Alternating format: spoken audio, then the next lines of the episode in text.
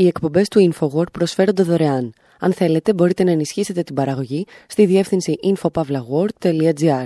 Η διεύθυνση infopavlagor.gr. Η εκπομπή InfoWord με τον Άρη Χατζηστεφάνου.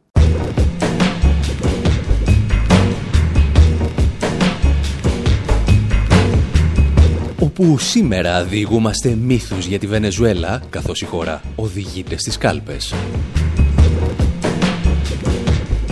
Συζητάμε με τον συγγραφέα και πρώην διευθυντή της Mon Diplomatique, Ιγνάσιο Ραμονέ, για τον τρόπο με τον οποίο διαχειρίζονται τα διεθνή μέσα ενημέρωσης την εικόνα της Βενεζουέλας. Θυμάται για εμάς ιστορίες από την Κούβα, τη Χιλή και την Ικαράγουα και αναρωτιέται εάν τελικά έχει αλλάξει το παραμικρό από το εγχειρίδιο ανατροπής αριστερών κυβερνήσεων. Θυμόμαστε κουβέντες που μας έλεγε πριν από μία ντουζίνα χρόνια ο Ταρικαλή για τον Τσάβες και θέτουμε και πάλι ένα ερώτημα που πιστεύουμε ότι ελάχιστοι έχουν προσπαθήσει να απαντήσουν με σοβαρότητα. Για όσα συμβαίνουν στη Βενεζουέλα, φταίει ο σοσιαλισμός ή μήπως η απουσία του;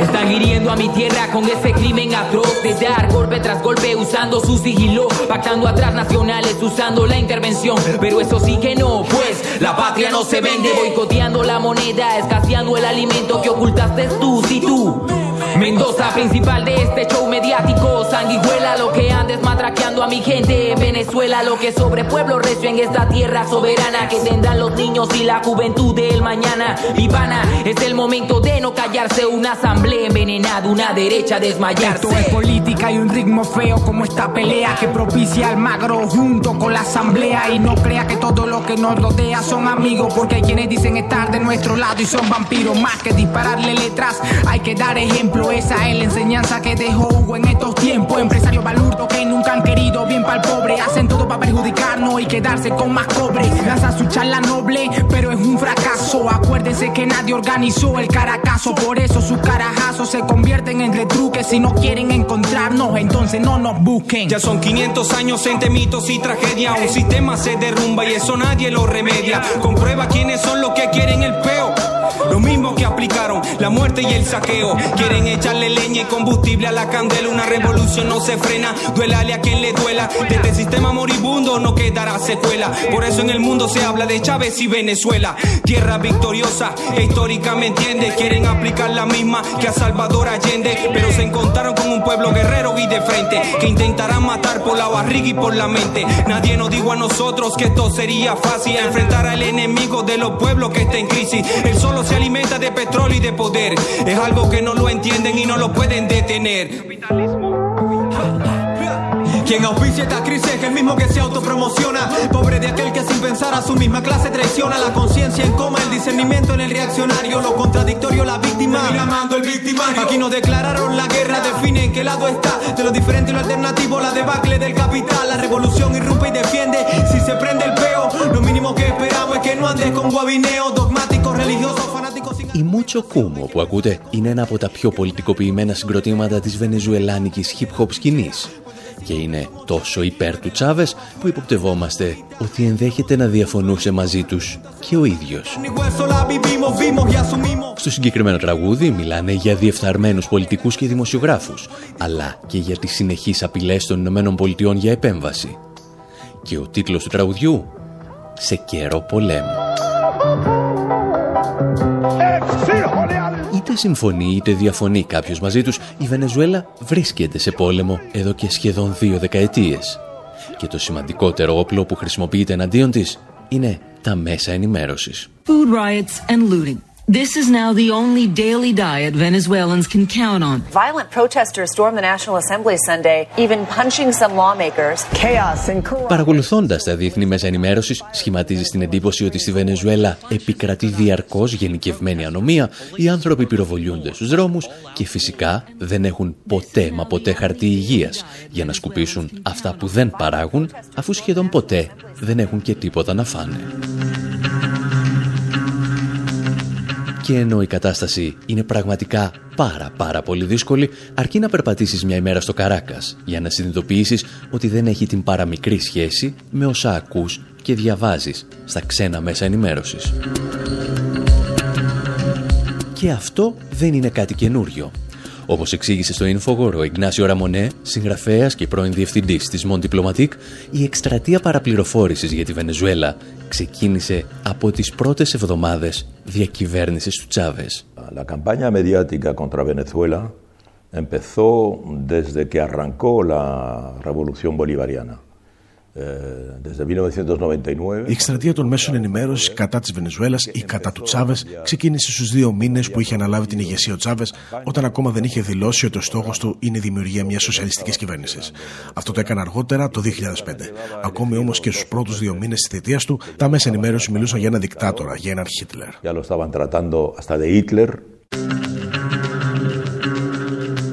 Μιλώντας στους συναδέλφους Μύρτο Σιμεωνίδου και Θάνο Τσάντα, ο Ιγνάσιο Ραμονέ εξήγησε ποια ήταν τα αποτελέσματα αυτής της προπαγάνδας ακόμη και ανάμεσα σε ανθρώπους που αρχικά θέλησαν να στηρίξουν το εγχείρημα του Τσάβες. Y esa campaña es muy importante porque hace que hasta el apoyo solidario en la izquierda hacia Venezuela Πρόκειται για μια ιδιαίτερα σημαντική εκστρατεία.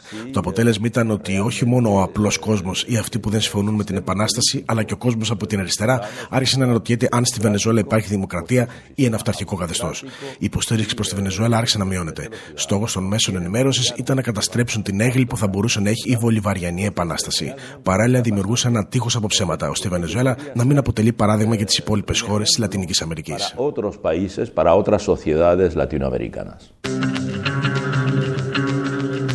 Η προσωπική μου επαφή με αυτό το είδος της παραπληροφόρησης ήρθε εκείνο το πρωινό του 2002, όταν πραξικοπηματίες με τη στήριξη των ΗΠΑ επιχείρησαν να ανατρέψουν τον δημοκρατικά εκλεγμένο πρόεδρο της Βενεζουέλας. Στην αίθουσα σύνταξης του BBC World Service στο Λονδίνο επικρατούσε μια περίεργη μηχανία – Σχεδόν 48 ώρες μετά την εκδήλωση του πραξικόπηματος, κανένα κείμενο του BBC δεν χρησιμοποιούσε τις λέξεις πραξικόπημα, δικτατορία ή έστω ανατροπή μιας δημοκρατικά εκλεγμένης κυβέρνησης. Όλα τα μέσα ενημέρωσης προτιμούσαν τότε, με τον ένα ή τον άλλο τρόπο, να αναμασούν τις ανακοινώσεις του State Department. Γνωρίζουμε ότι η κρίση προκλήθηκε από ενέργειες της κυβέρνησης Τσάβες. Η κυβέρνηση απαγόρευσε την πραγματοποίηση ειρηνικών διαδηλώσεων. Άνοιξε πύρ εναντίον άοπλων διαδηλωτών με αποτέλεσμα να σκοτωθούν 10 και να τραυματιστούν άλλοι 100. Ύστερα από αυτές τις εξελίξεις συστάθηκε προσωρινή κυβέρνηση για τη διακυβέρνηση της χώρας. Σχεδόν κάθε λέξη από την ανακοίνωση του State Department ήταν ψευδής ή κατάλληλα τοποθετημένη στην πρόταση για να δημιουργεί λανθασμένες εντυπώσεις. Παρ' όλα αυτά, ήταν η συγκεκριμένη ανακοίνωση που έδωσε τη γραμμή στη συντριπτική πλειονότητα των διεθνών μέσων ενημέρωσης. Και αυτή η γραμμή δεν άλλαξε ποτέ. Είτε στην Προεδρία των Ηνωμένων Πολιτειών βρισκόταν ο George Bush ή ο νομπελίστας της ειρήνης Μπαράκ Ομπάμα ή αυτός ο διαβολικά καλός πρόεδρος των Ηνωμένων Πολιτειών, Ντόναλτ Τραμπ. Στο πέρασμα των χρόνων, αμερικανικά και ευρωπαϊκά μέσα ενημέρωσης έδωσαν τον καλύτερό τους σε αυτό, με παρεμβάσεις που συχνά περνούν απαρατήρητες στο ευρύ κοινό. Αποτελούν όμως στοχευμένες επιχειρήσεις επηρεασμού της κοινής γνώμης. Ο Ιγνάσιο Ραμονέ θυμήθηκε για εμάς ένα από τα εκατοντάδες περιστατικά των τελευταίων δύο δεκαετιών. Uno de los periódicos europeos que más eh, ataca a Venezuela y que más desforma Ένα από τα ευρωπαϊκά μέσα ενημέρωσης που επιτίθεται περισσότερο στην Βενεζουέλα είναι η εφημερίδα El País της Ισπανίας. Θυμάμαι όταν ο Τσάβες βρισκόταν σε χειρουργείο, είχε δημοσιεύσει στην πρώτη σελίδα μια φωτογραφία του Τσάβες στο χειρουργείο για να δείξει την αδυναμία του ηγέτη και έτσι την αδυναμία της Επανάστασης. Έγραφε ότι αν δεν χειρουργηθεί αμέσως θα πεθάνει. Αυτό δεν αποτελούσε είδηση γιατί όλος ο κόσμος το ήξερε. Ο Τσάβες ήταν άρρωστος και σίγουρα θα περνούσε από χειρουργείο. Ύστερα από μερικές ώρες όμως αποδείχθηκε ότι ακόμη και αυτή η φωτογραφία ήταν ψεύτικη. Πάρθηκε από ένα βίντεο πέντε χρόνων πριν και δεν ήταν καν ο Τσάβε ο ασθενή. Αυτό είναι ένα μόνο παράδειγμα για το πώ πολύ ισχυρά μέσα, όπω η Ελπαή, που υποτίθεται έχουν κύρο, δημοσίευαν πληροφορίε για να βλάψουν τον Ούγκο Τσάβε. que era Hugo Chávez. Το παράδειγμα του Ραμονέ πληρεί όλες τις προϋποθέσεις ενός καραμπινάτου fake news. Ξέρετε, από αυτά για τα οποία θα σε κυνηγάει σε λίγο η Ευρωπαϊκή Ένωση και θα σε αποκλείει, λέει, η Google και το Facebook. Για την περίπτωση της Βενεζουέλας όμως, αυτά τα fake news είναι ο κανόνας και όχι η εξαίρεση. Ο Ιγνάσιο Ραμονέ έχει περάσει τις τελευταίες δεκαετίες της ζωής του καταγράφοντας και ανατρέποντας τα προπαγανδιστικά επιχειρήματα μιας αυτοκρατορίας και των μέσων ενημέρωσης που την υπηρετούν. Και η περίπτωση της Βενεζουέλας του θυμίζει το επαναλαμβανόμενο μοτίβο που είχε συναντήσει στις περιπτώσεις της Κούβας, της Χιλής και της Νικαράγουας. Γι' αυτά όμως έχει ιστορίες να μας διηγηθεί σε λιγάκι. mama, mama, look there. Your children are playing in the street again. Don't you know what happened down there? A youth of 14 got shot down there. The cocaine guns jammed downtown. The killing clowns, the blood money men. The shooting rose. Washington bullets again. As every cell in Chile will tell the cries of the tortured men. Remember Allende in the days before, before the army came. Please remember Victor Hara in the Santiago Stadium. Es verdad, Bullets again. And in the Bay of Pigs in 1961, Havana for the Playboy in the Cuban sun. For Castro is the color is a redder than red. Those Washington bullets, one Castro dead. Castro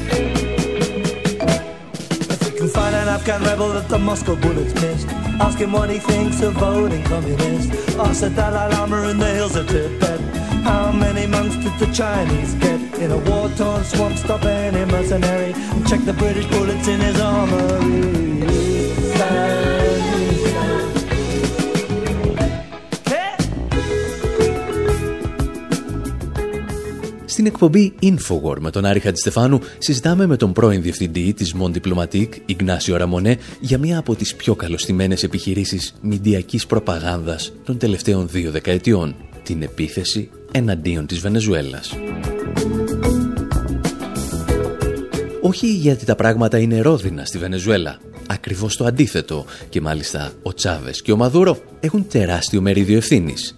Αλλά γιατί στη συντριπτική τους πλειονότητα τα ρεπορτάζ που φτάνουν σε εμάς είναι ψευδή ή παραπλανητικά. Και σε αυτό το σημείο οι κλάς έχουν την ευγενή καλοσύνη να μας προετοιμάζουν για τις επόμενες δηλώσεις του Ραμονέ. Τραγουδούν για τρεις χώρες οι οποίες έπεσαν θύματα των Ηνωμένων Πολιτειών, την Κούβα, τη Χιλή και την Ικαράγουα. Και ο Ιγνάσιο Ραμονέ έχει τρεις ιστορίες παραπληροφόρησης να μας διηγηθεί για κάθε μία από αυτές. El ataque que se lleva a cabo contra Venezuela no es el primero que se lleva a cabo contra una revolución. Η επίθεση που πραγματοποιείται εναντίον της Βενεζουέλας δεν είναι η πρώτη, ούτε είναι η πρώτη επίθεση εναντίον μιας επανάστασης. Στη Λατινική Αμερική μπορώ να θυμηθώ τρία παρόμοια περιστατικά. Καταρχήν είχαμε την περίπτωση της Κούβας. Από το 1959 έχουμε μια διαρκή εκστρατεία εναντίον της Κούβας που παραμορφώνει την πραγματικότητα. Cuba haciendo operaciones de todo tipo. El caso quizá más ejemplar también antes de Venezuela es el que se llevó a cabo contra Chile en la época de Salvador Allende de la Unidad. Η περίπτωση όμως που παρουσιάζει ιδιαίτερες ομοιότητες με τη Βενεζουέλα είναι η επίθεση εναντίον της Χιλής στα χρόνια του Σαλβαδόρ Αλιέντε. Ο εκθετικό όμιλος Μερκούριο, ο οποίος ήταν κυρίαρχος εκείνη την εποχή, προσπάθησε με δόλιο τρόπο να διαστρεβλώσει την πραγματικότητα. Διέδιδε φήμες ώστε να προκαλέσει φόβο και πανικό στον πληθυσμό της χώρας. Και με αυτόν τον τρόπο προετοίμασε ενεργά το έδαφος για το πραξικόπημα της 11η Σεπτεμβρίου του 1973 εναντίον του Σαλβαδόρ Αλιέντε.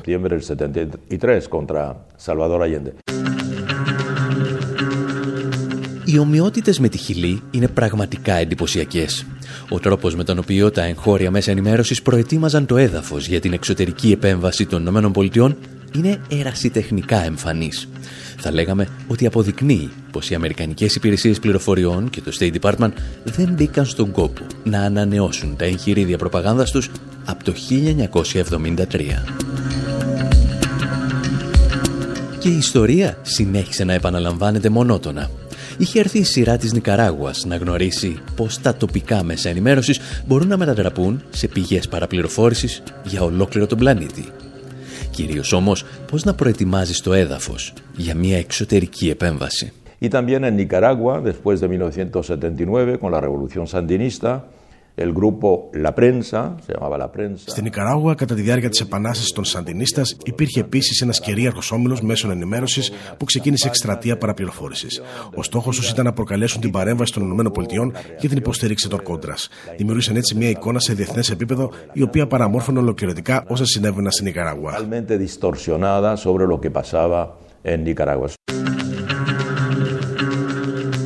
Η περίπτωση της Νικαράγουας παρουσιάζει ιδιαίτερο ενδιαφέρον γιατί οι Ηνωμένες Πολιτείες και τα Αμερικανικά μέσα ενημέρωσης δεν επιχειρούσαν απλώς να διαστρεβλώσουν όσα συνέβαιναν στη χώρα.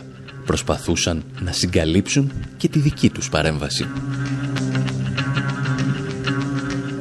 Η Ουάσιγκτον δεν έκρυψε ποτέ ότι ενίσχυσε τις παραστρατιωτικές δυνάμεις των Κόντρας που μάχονταν τους Αντινίστας.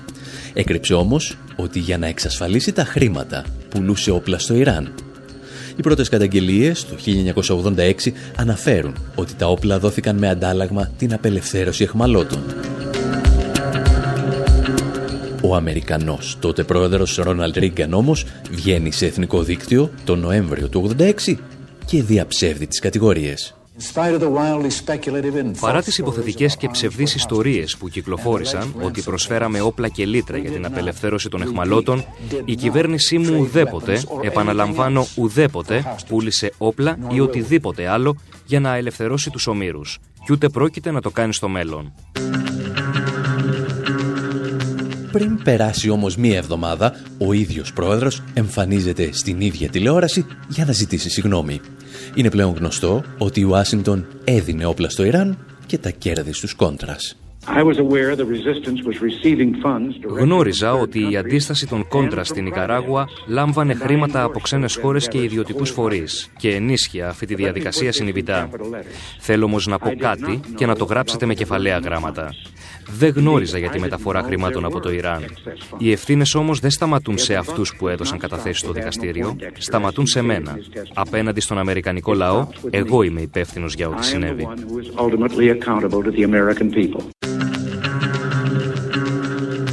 Ένας μετά τον άλλο, Αμερικανοί αξιωματούχοι αναγκάζονται να παραδεχτούν την ενοχή τους. Πρώτος, ο συνταγματάρχης Όλιβερ Νόρθ, στρατιωτικός τέλεχος στο πανίσχυρο Συμβούλιο Εθνικής Ασφαλείας. Ήταν ο άνθρωπος που είχε προτείνει τη χρηματοδότηση των ταγμάτων θανάτου στην Ικαράγουα. Εγώ το έκανα. Όπως είπα και στην προηγούμενη κατάθεσή μου, δεν αισθάνομαι ντροπή για τις πράξεις μου. Μου ανέθεσαν μία αποστολή και προσπάθησα να τη φέρω εις πέρας. Εάν αναρωτιέστε τι απέγινε ο Όλιβερ Νόρθ ύστερα από αυτή την αποκάλυψη, η απάντηση είναι δημοσιογράφος. Εδώ και δεκαετίες εμφανίζεται άλλοτε ως προσκεκλημένος και άλλοτε ως οικοδεσπότης σε δημοσιογραφικές εκπομπές στην τηλεόραση και το ραδιόφωνο για θέματα άμυνας και εξωτερικής πολιτικής. Γιατί, ως γνωστόν, τα παιδιά του Ρίγκαν, όπως και της Θάτσερ, γίνονται συχνά οι πιο επιτυχημένοι δημοσιογράφοι. Και πριν από μερικές εβδομάδες ανακοινώθηκε ότι ο Όλιβερ Νόρθ θα είναι και ο νέος πρόεδρος της NRA, δηλαδή του λόμπι που μάχεται για το δικαίωμα της οπλοκατοχής στις Ηνωμένες Πολιτείες. Εσείς τώρα μένετε εδώ και για το δεύτερο μέρος της εκπομπής. Μια εκπομπή που εν μέρη ηχογραφήθηκε, όπως ίσως μπορείτε να καταλάβετε από την ποιότητα του ήχου, στη Βενεζουέλα, όπου βρισκόμαστε για να παρακολουθήσουμε τις εκλογές. Και παράλληλα να συνεχίσουμε τα γυρίσματα του ντοκιμαντέρ Make the Economy Scream. Ένα ταξίδι που πραγματοποιείται αποκλειστικά χάρη στις δικές σας συνεισφορές, τις οποίες δίνετε στη διεύθυνση info.pavlawar.gr και στο maketheeconomyscream.com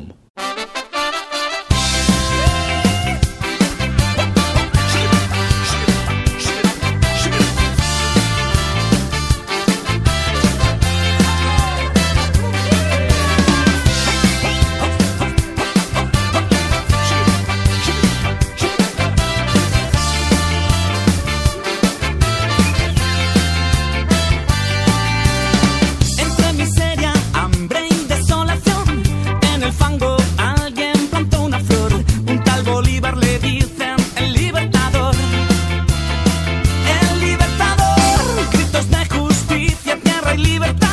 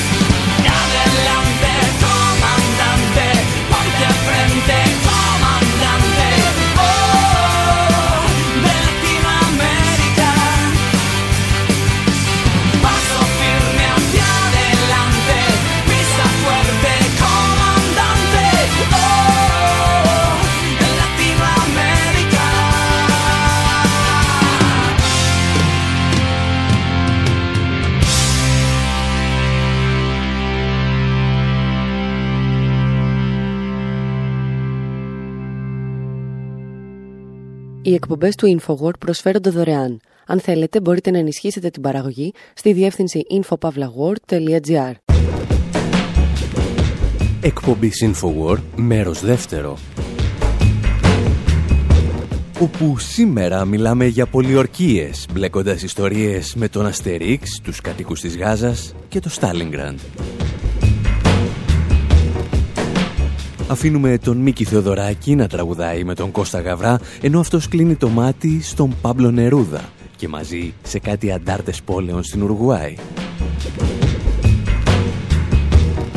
Αναρωτιόμαστε αν η σφαγή στη Γάζα είναι ένα πρωτοφανές έγκλημα στην ιστορία της ανθρωπότητας.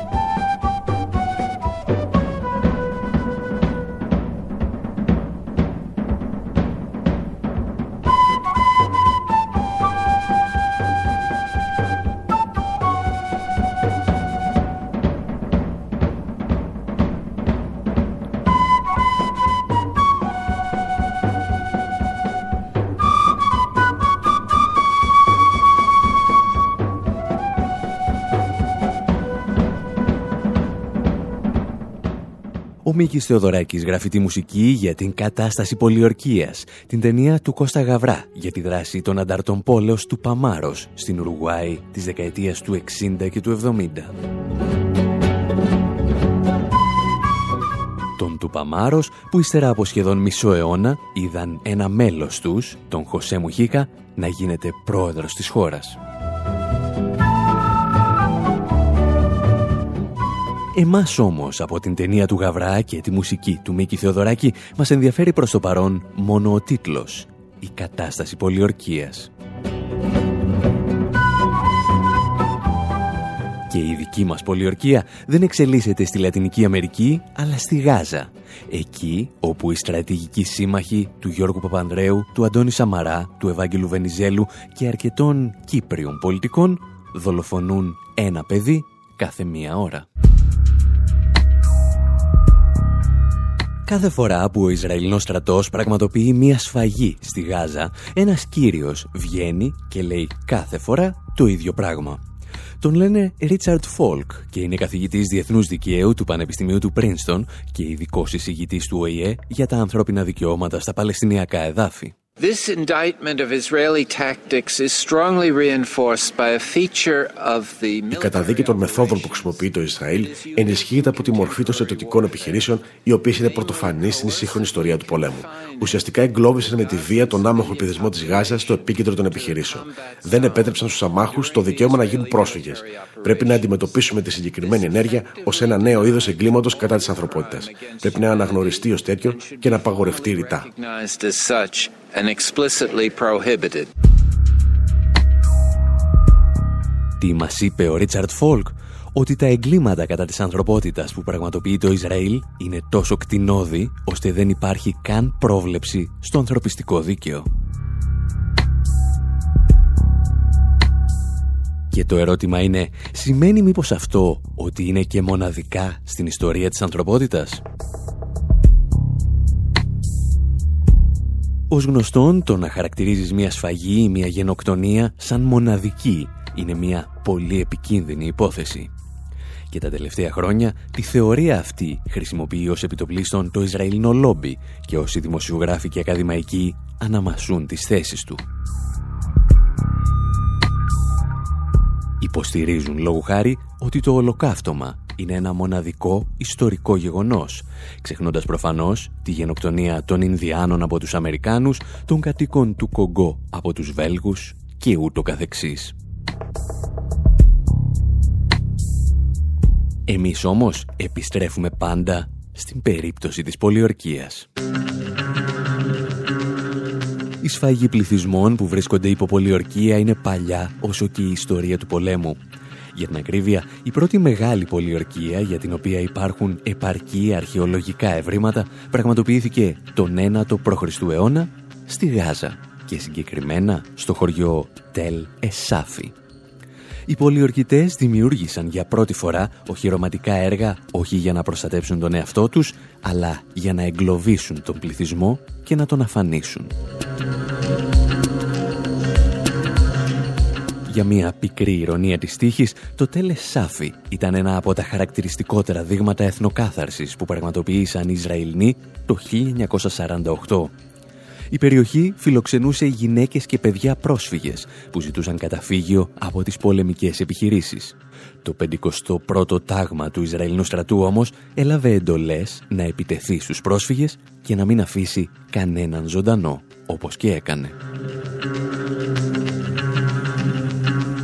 Εμείς όμως, να θυμάστε, βρισκόμαστε ακόμη στην αρχαιότητα και έχει έρθει η στιγμή να μιλήσουμε για κάτι Ρωμαίους και για κάτι Γαλάτες.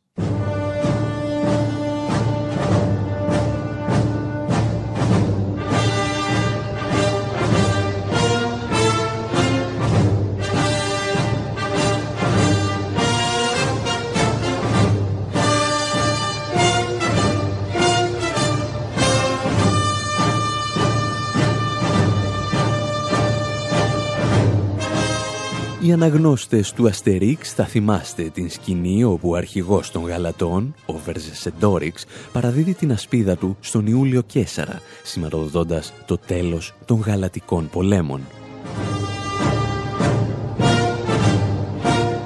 Και αυτό το τέλος έχει έρθει γιατί οι Γαλάτες έχουν χάσει τη μάχη στην πολιορκία της πόλης Αλέσια.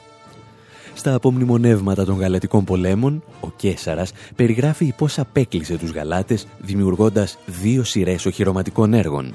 Μια εσωτερική για τον εγκλωβισμό των Γαλατών και μια εξωτερική που δεν θα επέτρεπε την άφηξη ενισχύσεων. Και επειδή το Αστερίξ είναι η μοναδική ίσως περίπτωση που την ιστορία την γράφουν οι ιτημένοι, εμείς δεν μάθαμε ποτέ την φρίκη της πολιορκίας της Αλέσια. Μιλώντας βέβαια για φρίκη και πολιορκίες, θα πρέπει να θυμηθούμε ότι ελάχιστοι έφτασαν την εφευρετικότητα των Μογγόλων κατακτητών. Όταν οι πόλεις που πολιορκούσαν δεν παραδίδονταν, οι Μογγόλοι στρατηγοί έπαιρναν πτώματα δικών τους στρατιωτών που είχαν πεθάνει από πανόλη και τα πέταγαν με καταπέλτες στους πολιορκημένους.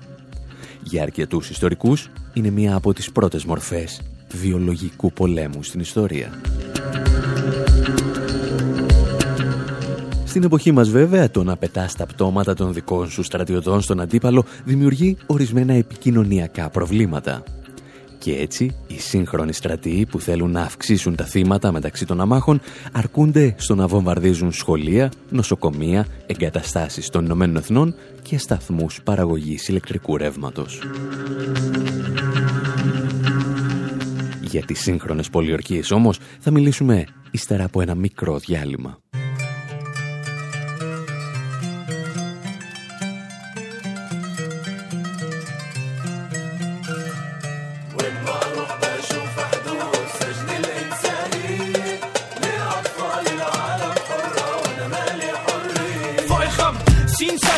عايشين ورا سجون البنود اللي سجنيننا ما يتغير مش حاسين ولا نور إلا سياج منها. إحنا شايفين سما. لونها أزرق غيمها أبيض. بالنص نجمة ذكرى كنت بخيط أنا صامت عايش متفائل. ما تعزل مني الأمل بيجي دار فاصل. السور يدور أنا مربوط فلسطين كجنين لحبل الطابور بالأرض جذور شجر زيتون. ضل تولد وتجدد وتجدد غصون. ممدود للسلام معروض لاحتلال ما يريد استسلام. ليه أنا اللي ما إله حرية؟ لاني أنا رافض إني أعيش بعبودية. وين ما رحت أشوف حدود سجن الانساني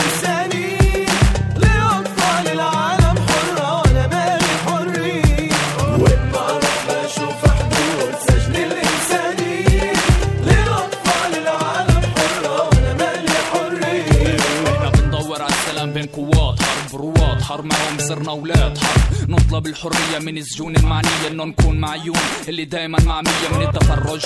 أطفال العالم الحرة دايما ضل بتدحرج. للحياة المرة قواتنا شاطرين بس. بتبهرج الكلام كلهم ماخدين تخرج. بتعرج الأوطان. وإحنا نستعمل قوة عشان الضعف. بنتحمل الموت عشان الحياة عملنا بلطف. ومش بعسف للحياة انولدنا. ولما لقيناها مش بإيدينا جربنا ناخدها فمتنا. وكل اللي طلبناه كان نفس واللي ضحينا عشانه برضه كان نفس. انت قولي ليش أطفال العالم حرة وأنا مالي أنا مالي حرية. وين ما رحت أشوف حدود سجن الإنساني لأطفال العالم حرة وأنا مالي حرية وين ما رحت أشوف حدود سجن الإنساني لأطفال العالم حرة وأنا مالي حرية أنا بديش اعيش على وأنا بديش أموت هعيش هاجرا وأنا لساتني شايف الاحتلال. مادد إيده مش للسلام مش مساواة. بل تيديني حبل مشنقة كمان مش ظلام وجدار اللي فاصل بيني وبين اللي ما مخليني أشوف ضوء السماء الواحد وخمسين ولاية تربي كمان ولاية اللي تربى على حساب غيرها متأثرة من امها الهنود الحمر متأملة محينا تغسل دماغنا. تقولنا إنه المشكلة هي إحنا. بس حتى تشوش العالم كلها ما تقدر على الحرية. وين ما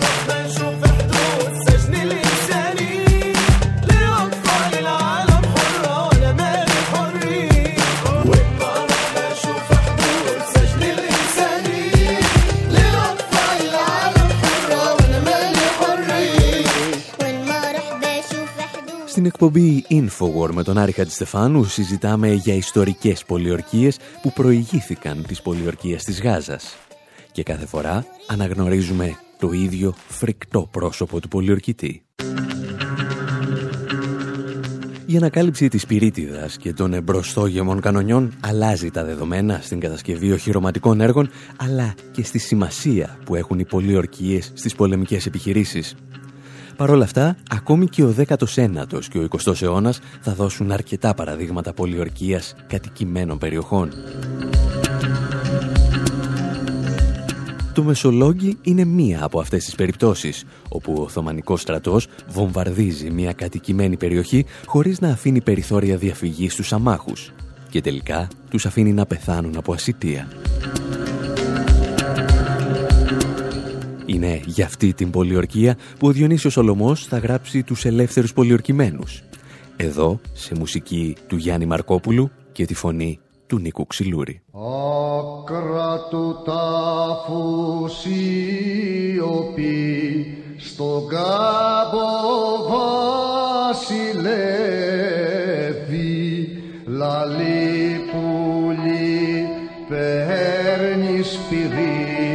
η μάνα το ζηλεύει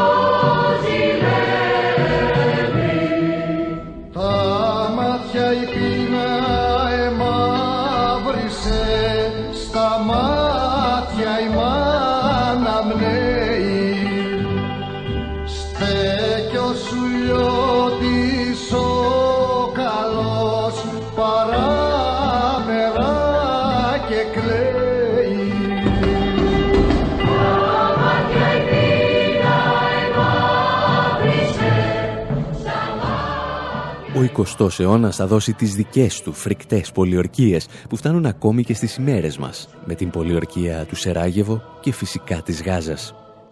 Η ιστορία όμως που θα αλλάξει για πάντα την πολιορκία σαν μέσο στρατιωτικής σύγκρουσης μας έρχεται από το Δεύτερο Παγκόσμιο Πόλεμο. σκοτεινό είσαι Θα αφήσουμε προς το παρόν τους Ιταλούς Μπάντα Μπασότη να μας οδηγήσουν στην επόμενη ιστορία μας για μια πολιορκία κάπου στη Ρωσία.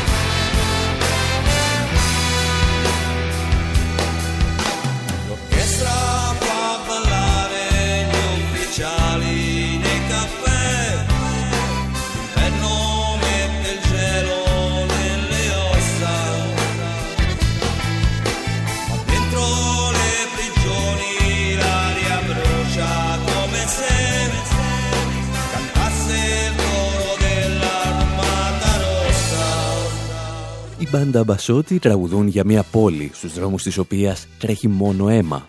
Μια πόλη στην οποία κυριαρχεί η πείνα και τα ερήπια γκρεμισμένων κτηρίων.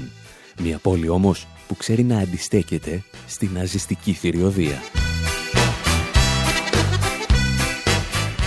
Η μπάντα Μπασότη τραγουδούν για την πολιορκία του Στάλιγκραντ.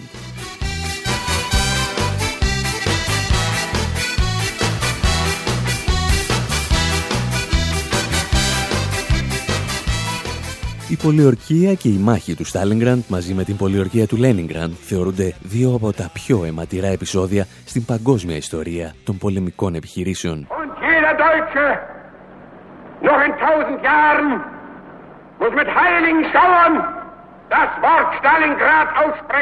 Ο Χέρμαν Γκέρινγκ, τον οποίο ακούτε εδώ, εξηγούσε το 1942 στους επιτελείς του στο Βερολίνο πώς η γερμανική αεροπορία θα ισοπαίδωνε το Στάλιγκραν πριν από την έναρξη των χερσαίων επιχειρήσεων. Και για την ιστορία το έκανε μιλώντας στο περίφημο αρχηγείο της Luftwaffe, στο Βερολίνο. Εκεί όπου σήμερα στεγάζεται το Υπουργείο Οικονομικών της Γερμανίας και η περίφημη αίθουσα του ευρώ. Ο Γκέρινγκ θα εκπληρώσει την υπόσχεσή του ισοπεδώνοντας το Στάλιγκραντ. Τα πάντσερ του γερμανικού στρατού όμως έχουν μερικά ακόμη προβλήματα να αντιμετωπίσουν. Ύστερα από την προώθηση και την κυκλωτική κίνηση του κόκκινου στρατού, ο πολιορκητής γίνεται πολιορκούμενος και ο φασισμός δέχεται το καθοριστικότερο χτύπημα στην ιστορία του Δευτέρου Παγκοσμίου Πολέμου. Είναι αυτό το χτύπημα για το οποίο θα γράψει ο Παύλο Νερούδα το ποίημά του με τίτλο «Καινούριο τραγούδι αγάπης» στο Στάλιγκραντ. Και ύστερα θα το διαβάσει για όλους εσάς. Mi voz estuvo con tus grandes muertos, contra tus propios muros machacados. Mi voz sonó como campana y viento, Ο Νερούδα μιλά για ναζιστές στρατιώτες που θα αφήσουν την τελευταία τους πνοή στο Στάλιγκραντ, αφού πρώτα τάραξαν την γαλάζια κλασική ακρίβεια της Ελλάδας, αφού μπήκαν με προδοσία στην Πράγα και αφού πέρασαν από την αψίδα του Θριάμβου με την υποταγή των Γάλλων πολιτών. Και το ερώτημα που φυσικά προκύπτει θα είναι η Γάζα μια νέα Αλέσια που θα υποταχθεί στις λεγιώνες του Κέσαρα ή ένα νέο Στάλιγκραντ που θα σταματήσει τους ναζιστές του 21ου αιώνα. Ερωτήματα για μια άλλη εκπομπή. Εσείς βέβαια θα συνεχίσετε να παρακολουθείτε τις δικές μας υποκειμενικές και απόλυτα προσωπικές θέσεις για τη σφαγή στη Γάζα και από τη διεύθυνση info.pavlawar.gr Μέχρι πάντως το επόμενο ραδιοφωνικό ραντεβού μας, από τον Άρη Χατζηστεφάνου στο μικρόφωνο και τον Δημήτρη Σαθόπουλο στην τεχνική επιμέλεια, γεια σας και χαρά σας.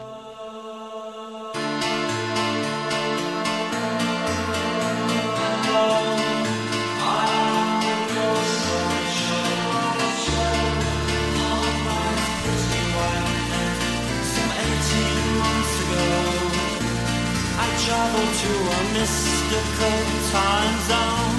And I missed my bed And I soon came home.